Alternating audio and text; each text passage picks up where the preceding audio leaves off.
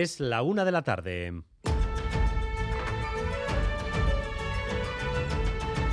Crónica de Euskadi con Dani Álvarez.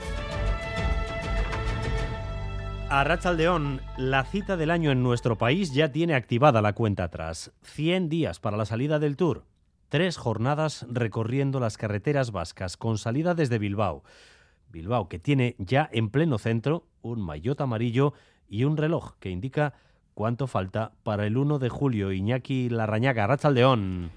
22 horas 39 minutos 26 segundos. La fibra amarilla del Tour contagia hoy todo Bilbao, iluminando edificios emblemáticos, el cronómetro en marcha frente al ayuntamiento, el maillot amarillo gigante luciendo al otro lado de la ría y los aficionados al ciclismo acercándose ya a verlo, a hacerse fotos, deseosos de que llegue el 1 de julio. El director general del Tour y las instituciones implicadas van a escenificar hoy el inicio de la cuenta atrás. 1 de julio comienza el Tour en Bilbao. Enseguida vamos a recorrer los puntos más destacados de ese trayecto que hemos eh, avanzado esta mañana en Radio Euskadi. Igor González de Galdeanos, uno de los ciclistas que portó el maillot amarillo del Tour, lo hizo durante siete jornadas desde Álava se ha unido al coro de voces que nos pone sobre aviso.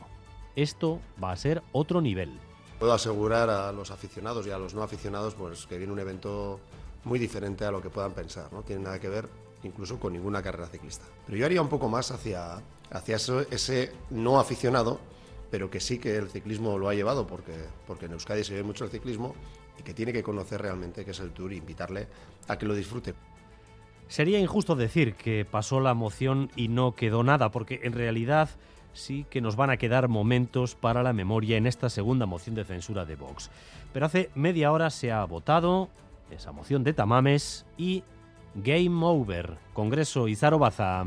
Sí, el resultado ha sido el esperado. La moción no ha prosperado. Tamame solo ha contado con los apoyos de los 52 diputados de Vox y de un exdiputado de Ciudadanos. El resto de los grupos han votado en contra. La única excepción ha sido el PP, que se ha abstenido, razón por la que hoy también Feijó ha sido el objetivo de las críticas del Gobierno. Según Sánchez, esta moción es el anticipo de las coaliciones de la derecha y la ultraderecha tras las elecciones. Los populares, por su parte, han preferido no entrar al trapo. Quedarán momentos en la memoria porque Tamames ha dejado bastantes destellos, como este dirigido a los diputados vascos, que a ver de qué nos quejamos. Los vascos piensan que están todavía oprimidos, pero ¿qué cosa es esa?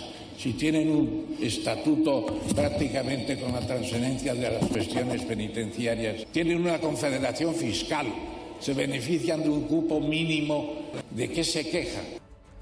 Se agotan los días del plazo para que Alfredo de Miguel y el resto de condenados por corrupción entren en la cárcel y de Miguel y Tellería intentan un último recurso han solicitado el indulto. Irache Ruiz. Sí, por una parte reclaman el indulto parcial, que supondría efectos prácticos rebajarle la pena de tres años por asociación ilícita. Por otro lado, la nueva letrada de De Miguel confía en que la audiencia de Araba vaya a suspenderle el resto de condenas, que son inferiores a los dos años de prisión y suele ser una práctica habitual. Por su parte, el exdirigente del PNV a la Besa y Tortellería pide no ingresar en Zaballa por motivos de salud.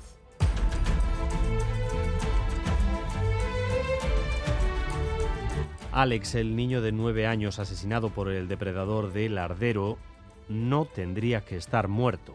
El acusado no solo contaba con gravísimos antecedentes, es que además sus vecinos sospechaban de él y avisaron a la policía varias veces. A una madre no le hicieron caso.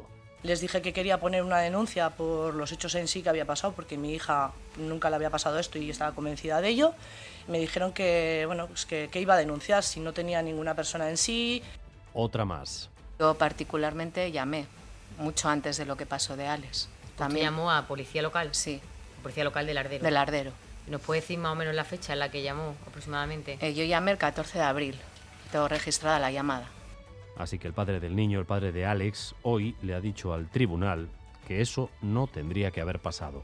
Y que ya había pasado. Y que había pasado y que hoy también que habían llamado a la policía esto le puede haber ocurrido. Y que les han destrozado la vida. Es como muertos en vida. Continúen, por favor. Nos han quitado toda la alegría. El viernes, el obispo de Bilbao oficiará una misa por las víctimas de abusos sexuales dentro de instituciones de la Iglesia. Es Otro gesto más de una diócesis, la de Vizcaya, que ha mostrado una determinación y una sensibilidad en este tema como pocas, como muy pocas en Europa. Xavier Madariaga. Viernes 6 de la tarde antes de la misa diaria. Esa la cita con la que el obispo Segura da un paso más en la reparación del daño causado a las víctimas de abusos en el seno de la Iglesia. Esta vez es una oración de perdón con un sacerdote que sufrió abusos a la cabeza. Hay más víctimas invitadas. Muchas miran con desconfianza a la Iglesia, pero están dispuestas a dar una oportunidad al obispo que dicen más se está moviendo por las víctimas. Vamos también con lo más destacado del deporte, Álvaro Fernández Cadierno, Arracha León. Arracha León Tour, aparte dos citas para hoy. En golf comienza en Texas el match play con la vuelta de John Ran a la competición, pero sin optar, eso sí, al número uno del mundo, pase lo que pase este fin de semana. Y en balonmano se juega el Guardés Vera Vera. Una victoria aseguraría la primera plaza de las guipuzcoanas en la fase regular. En Gasteiz se ha presentado la tercera edición de Comedia al Día, el Festival del Humor, que se va a celebrar del 2 al 7 de mayo. Este año se va a dedicar especialmente a aquellos profesionales que no se ven, pero son imprescindibles para que pueda haber películas, obras de teatro o exposiciones.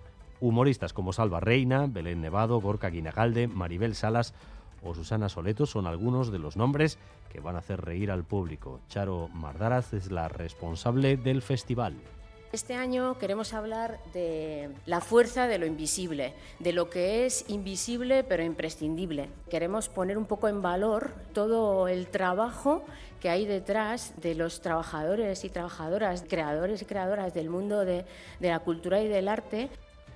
En cuanto al tráfico, atención ahora mismo en la A8, poco antes de la entrada por San Mamés a Bilbao, porque hay un coche averiado obstaculizando el carril derecho en el sentido hacia Donostia, en la entrada de San Mamés en Bilbao, A8, coche averiado, carril derecho, sentido Donostia. En cuanto al tiempo, a lo largo de la tarde vamos a seguir con los cielos con algunas nubes que también eh, irán dejando ver el sol. Eh, cada rato tendremos viento sur leve, brisa en la costa con un ligero aumento de las temperaturas que ahora mismo superan los 20 grados en Bilbao, 18 tenemos en Vitoria-Gasteiz, 16 grados en Pamplona, en Bayona 17 en Donostia. Gracias un día más por elegir Radio Euskadi y Radio Vitoria para informarse. Raúl González y Jorge Ibáñez se encargan de la dirección técnica, a Bilbao de la coordinación. Crónica de Euskadi Dani Álvarez.